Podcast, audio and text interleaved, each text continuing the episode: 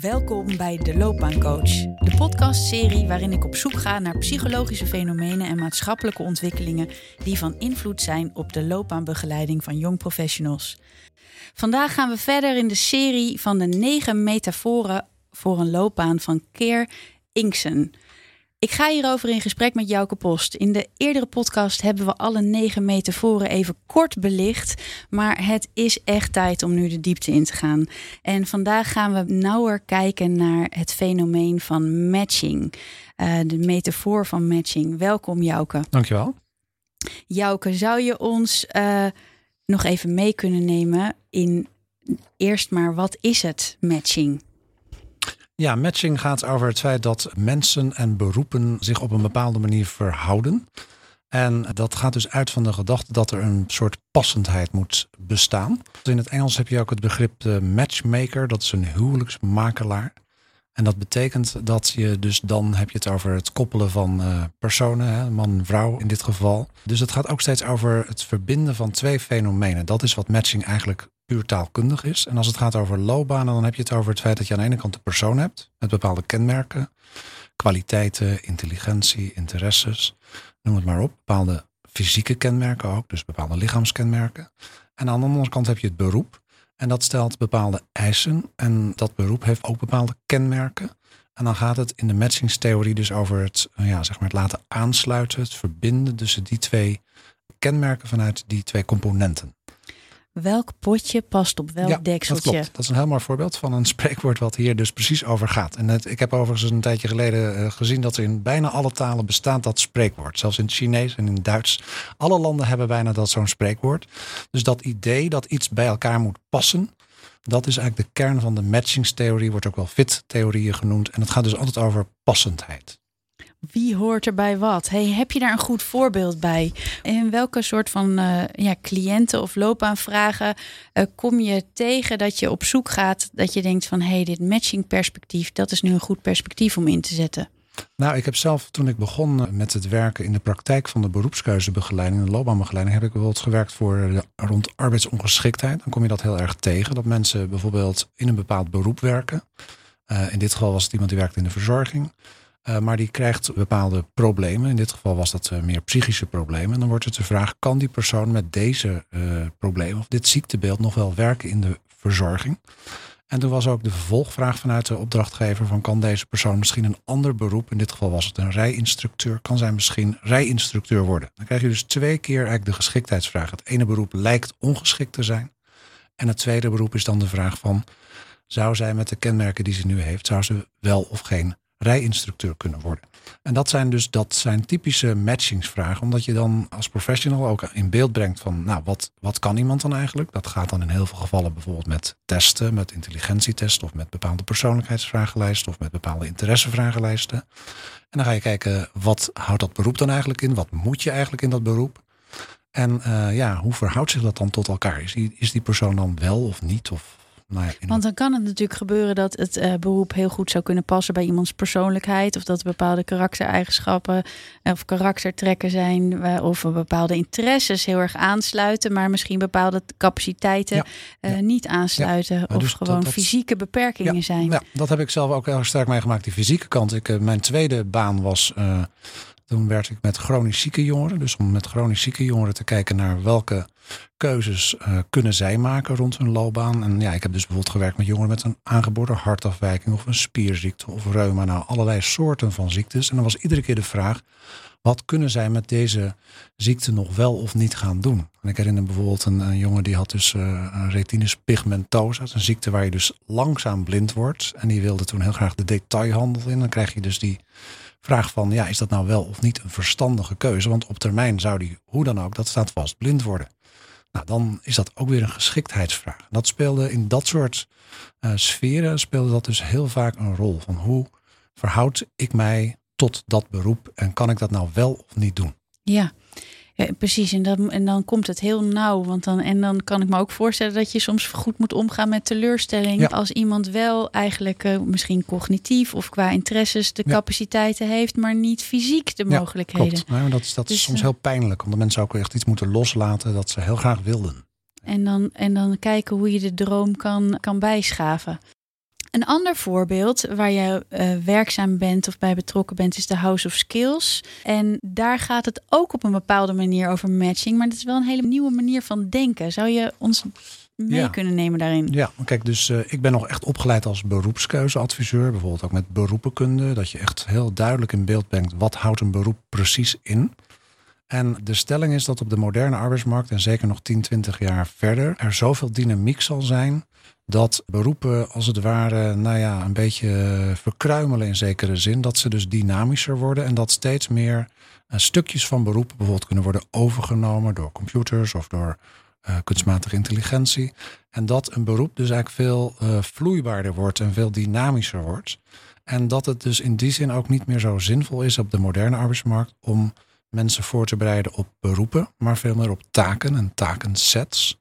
En dan krijg je dus een ander matchingsproces. Want dat klassieke matchingsproces, zoals dat eigenlijk al 100 jaar is nou ja, gepropageerd, uh, is het matchen van mens met beroep. Met een, eerst een vaste takenset.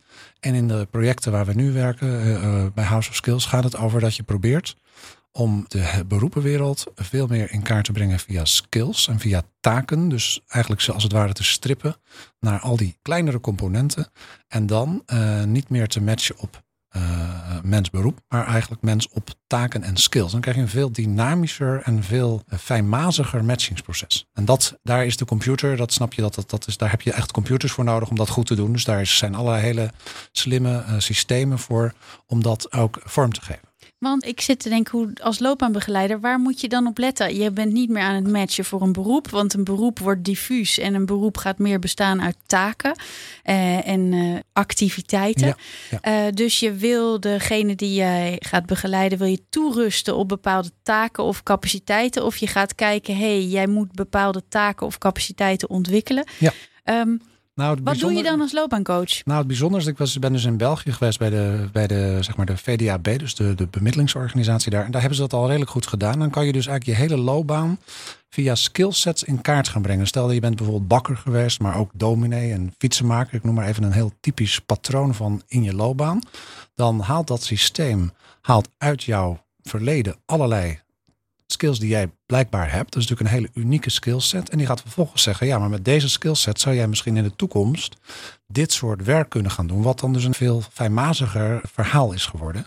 En dan kan je natuurlijk ook gaan kijken, maar stel dat je nog ergens naartoe wil, wat heb je dan nodig aan scholing om dat bijzondere patroon eigenlijk in beeld te brengen? Dus, dus met deze technologie kun je meer aansluiten bij het unieke karakter van die loopbaan van die persoon. En kun je dus ook uh, alternatieve opties voor de toekomstige loopbaan van die persoon, uh, ja, zeg maar scherper en preciezer gedetailleerder in beeld. En, en, en, heb je de loopbaancoach dan nog wel nodig? Of heb ja. je dan eigenlijk gewoon, hebben we dan het computerprogramma? Ja, kijk, dat is altijd een uh, grote vraag natuurlijk. Hè. Hoe verhoudt de professional zich tot het instrument? Uh, overigens blijkt uit allerlei studies dat een instrument altijd hoe slim het ook gemaakt is voor de klant, voor het individu, de kiezende persoon, goed kan zijn, maar lang niet altijd toereikend. Omdat bijvoorbeeld bij de interpretatie van de resultaten of de weging van bepaalde opties je ook absoluut nog mensen nodig hebt om dat te duiden. Dus het is, ik hoef, denk niet dat mensen bang hoeven te zijn dat ze weer werkloos worden. We, blijven nodig voor de duiding. Absoluut, ja, ja. We blijven nodig voor de duiding. Ja. Hey, hoe heet dit instrument? Deze, uh, dit computerinstrument om de uh, ja, dat heeft, het, het heet gewoon, het is, het is in, in België heet het gewoon, uh, het is een website en die heet Mijn Loopbaan. En dat, daar is deze technologie helemaal ingebouwd. Dus Mijn Loopbaan ja. uh, in België, ja, daar kunnen mensen dat vinden.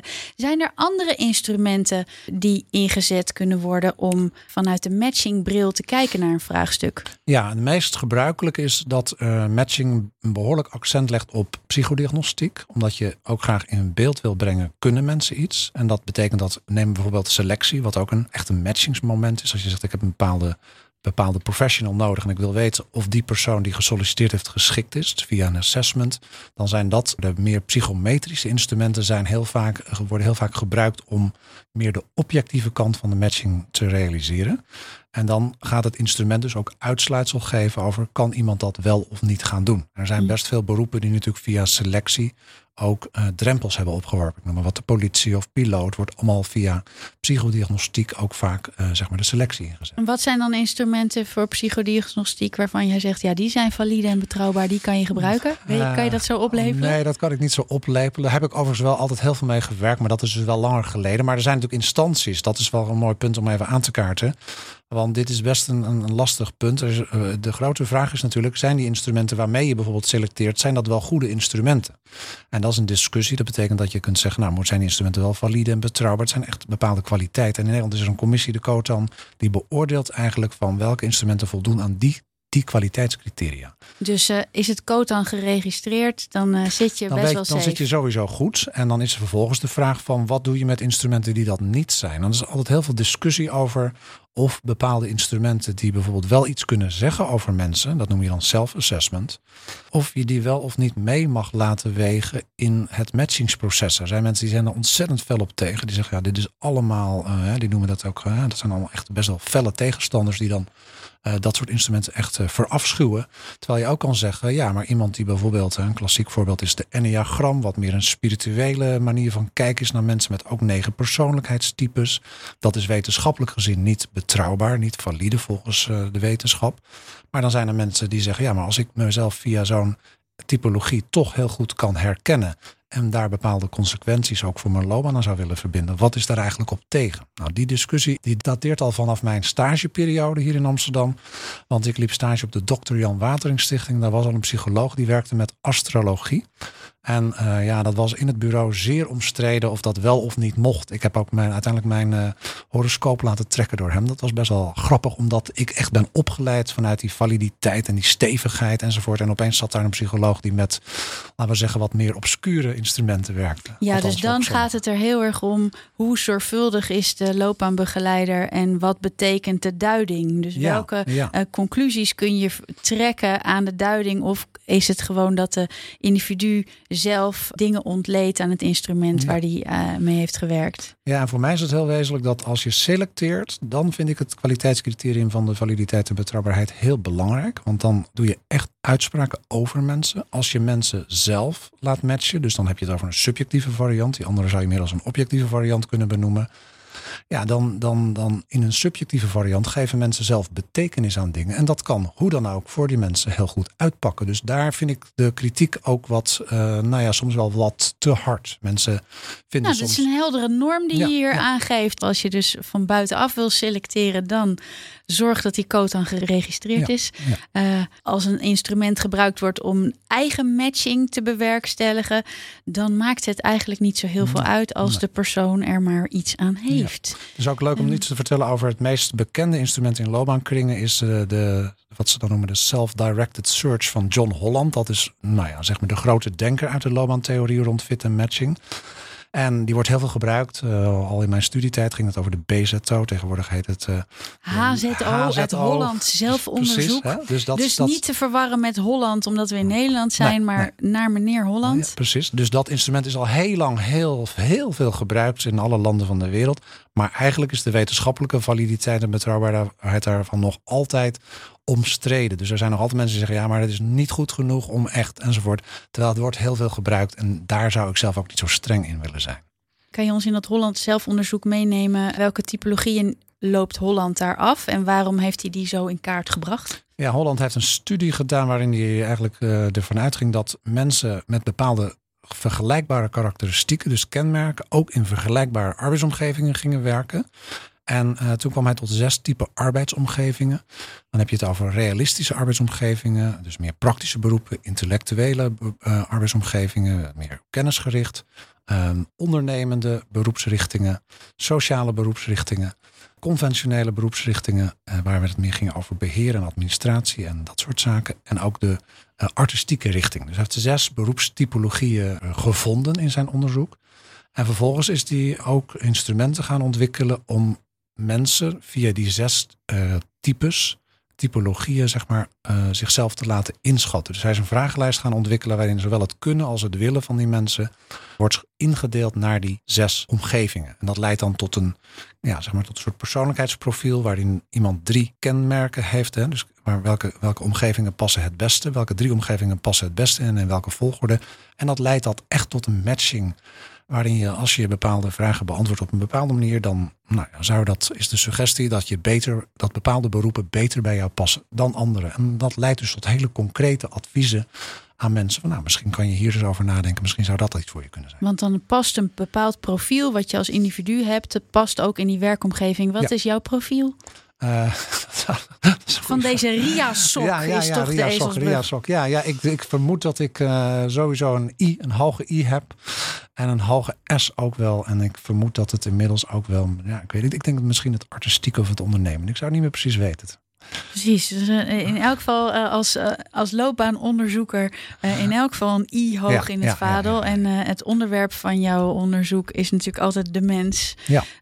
dus het sociale zit er ook wel in. Ja, ja een, van de, van de punten die dan ook gelijk hier wel in meekomt, de kritiek op, op dit soort theorieën en op Holland in principe ook wel, is dat je natuurlijk de vraag hebt: hoe stabiel ben jij als mens? En hoe stabiel is het beroep eigenlijk? Is het wel goed mogelijk om dat beroep echt goed in kaart te brengen? En is het wel zo dat ik echt een stabiele persoon ben in de tijd? Wat gebeurt er eigenlijk met, met allerlei dingen die ik meemaak, waardoor ik natuurlijk ook gewoon verander. Dus wat gebeurt daarmee? Is de matching niet te statisch? Dat is dan de kritiek. Dat is dan de kritiek. Ja, en als we dat dan even terugkoppelen, hè, wanneer heeft Holland dit ontworpen? 1973 is zijn hoofdwerk verschenen, um, Making Vocational Choices. En ja, eigenlijk is er sindsdien ook wel heel veel onderzoek gedaan, maar in de grondkenmerken van zijn theorie is niet heel veel veranderd. Maar Holland heeft wel eens deze kritiek, uh, heb ik een keer in een interview gelezen, was heel grappig. Toen gingen mensen ook zeggen, ja, maar beroepen veranderen toch heel erg veel. En toen was hij echt heel erg zaggerijnig in dat interview om te zeggen, ja, maar een buschauffeur blijft toch gewoon ook een buschauffeur. Dus hij heeft het idee, die stabiliteit in die beroepsomgeving, die is voldoende robuust om gewoon toch dit soort theorieën ja, zeg maar, te kunnen vasthouden. Het is natuurlijk ook wel logisch als het je hoofdwerk en je levenswerk is, dat je niet zomaar. Uh, dus niet zomaar opgeeft. En nou ja, misschien heeft hij het eh, gelijk. Maar hoe zit dat dan als je dat naast jouw uh, House of Skills kijkt, waar je meer gaat kijken naar welke kwaliteiten heeft iemand of welke capaciteiten heeft iemand, welke vaardigheden? Ja. Nou, wat dus leuk is, dat vind ik zelf ook een heel mooi voorbeeld. Wat, wat, wat ze dan noemen, dat ken je misschien als begrip, dat heet jobcrafting. Dat je dus zegt, oké, er is ook veel meer dynamiek, zowel in de persoon. Mensen veranderen, het willen en het kunnen van mensen verandert. Het mogen verandert ook van mensen soms. En dat ook in die arbeidsomgeving er natuurlijk al van alles nog wat verandert. Een beroep, beroep blijft misschien wel in een bepaalde manier wat hetzelfde, maar de omstandigheden of nou ja, allerlei aspecten van het team veranderen, waardoor er ook heel veel dynamiek is. En dan zeggen ze dus, uh, het fenomeen jobcrafting, dat betekent eigenlijk, craften betekent eigenlijk het, nou ja, een beetje het uitsnijden van het beroep of de baan, zodat die beter bij jou past. En dat betekent dat ze mensen veel meer aanzetten om het beroep zodanig te modelleren dat zij daar zelf ook meer het gevoel bij hebben van hé, hey, dan past het beter bij mij. Heb je daar een voorbeeld van? Nou, dat betekent dat je soms gewoon bepaalde taken uh, probeert om bepaalde taken kwijt te raken. Dus dat kan zijn dat je als docent zegt, nou, ik vind sommige dingen gewoon helemaal niet fijn. Uh, wil iemand die van mij overnemen? En dan kan je in een team, dat heet dan teamcraften. Het betekent soms ook dat je uh, bijvoorbeeld een bepaalde andere manier van kijken naar het werk hebt. Dus dat ook je mindset rond het werk een vorm van jobcraften is. Dus op die manier zijn er allerlei manieren om dat werk aan te passen. Het kan soms ook zijn dat mensen uh, de omstandigheden. Dus dan ga je de context uh, craften. Dus dat je bijvoorbeeld op een andere plek gaat werken of in een andere setting gaat werken of meer thuis gaat werken. Dat zijn allemaal vormen van aanpassing. Dus je kan ook zeggen het, het aspect van passendheid, wat dominant is in de fit-theorie, dat gaat ook steeds meer naar het aanpassen. Dus het, het, het van, van passen naar aanpassen. Dat is dan eigenlijk de dynamische variant daarvan. Van passen naar aanpassen, dat klinkt prachtig. Zijn er nog andere instrumenten die voor de loopbaancoach interessant zijn rondom dit eh, perspectief van matching? Um, nou, ik denk dat, uh, dat we de belangrijkste aspecten wel genoemd hebben. Wat wel speelt, is dat er ook steeds meer accent komt op de arbeidsmarkt. Van oudsher is eigenlijk in de fit er een onevenredig veel aandacht voor de psychologische kant. Dat is ook wel de kritiek die mensen hebben, ook die verwoord Inksen trouwens ook. En dan zeggen ze ja, maar goed, heel veel, ook veel loopbaanadviseurs hebben toch een best een te hoge mate van psychologische blik naar mensen en verwaarlozen eigenlijk wat die arbeidsmarkt kan. En wat er nu veel speelt, is dat ze dan proberen om ook de arbeidsmarktwaarde in loopbaanbegeleiding wat aan te zetten. En dat betekent dat je bijvoorbeeld, stel je hebt bepaalde kenmerken, je woont ergens, je wilt, hebt een bepaalde opleiding gedaan, een bepaald beroepsverleden, je wilt wel of niet verhuizen, dat er kunstmatige intelligentie en big data worden gebruikt om met jou samen te kijken van hé, hey, wat ben jij nou nu gewaard op deze huidige arbeidsmarkt? En uh, dat wordt dan uitgedrukt in een, in een soort quotient, een soort percentage tussen 0 en 100 om bijvoorbeeld te zeggen, nou ja, je arbeidsmarktwaarde is op dit moment 60. En als jij op die manier wat dingen aan jezelf verandert, dan verhoog je daarmee je arbeidsmarktwaarde. Dat is eigenlijk de matching van jou met de actualiteit van de arbeidsmarkt op basis van je huidige loopbaan en nou ja, zeg maar een aantal condities die je hebt ingegeven. Dat vind ik wel een interessant instrument en dat komt ook wel naar voren in het denken in zogenaamde loopbaan-APK's, waar mensen uh, dit type arbeidsmarktwaarde in een zekere regelmaat zouden moeten gaan opmeten bij zichzelf en daarmee actief zijn om ook op die manier te kijken, ben ik nog wel arbeidsmarktfit? En uh, grenst dat dan niet eigenlijk ook aan een andere metafoor die we ook gaan bespreken, namelijk de bron? Uh, ja, zeker, zeker, zeker. Dat is een heel goed, hele goede link die je legt, omdat, omdat het inderdaad gaat over dat jouw bron, als het ware, ja, ook ververst moet worden of geüpdate moet worden, of dat je moet werken aan je skillset, zoals dat dan in modern jargon heet, om te zorgen dat jouw arbeidsmarktwaarde dus echt up-to-date blijft en dat je dus mee kunt met de dynamiek van de arbeidsmarkt. Dus dat je als bron waardevol blijft om te kunnen matchen. Ja, nee, dat klopt. Dat is eigenlijk om een mooie Om te blijven kunnen matchen. En dit is meteen een, uh, ja, een bruggetje eigenlijk en een lokkertje naar de volgende metafoor die we gaan uitdiepen. Nu we hadden we het over de matching metafoor van Inksen. Uh, een manier om naar loopbaanvraagstukken te kijken en een manier om te kijken hoe je nou ja, nog beter kan laten aansluiten. En ook hoe je het beter kan laten aansluiten op het werk van de toekomst. Het werk wat we nog niet kunnen weten, maar waar het meer gaat om vaardigheden en waar het meer gaat om ehm, talenten. Kan ik dat zo zeggen? Ja, individualiteit. Jouw Post, ik dank je hartelijk. Graag gedaan. En uh, ik dank jullie voor het luisteren. Uh, graag tot de volgende metafoor. Dit was Japke Ebbingen van de Loopbaancoach.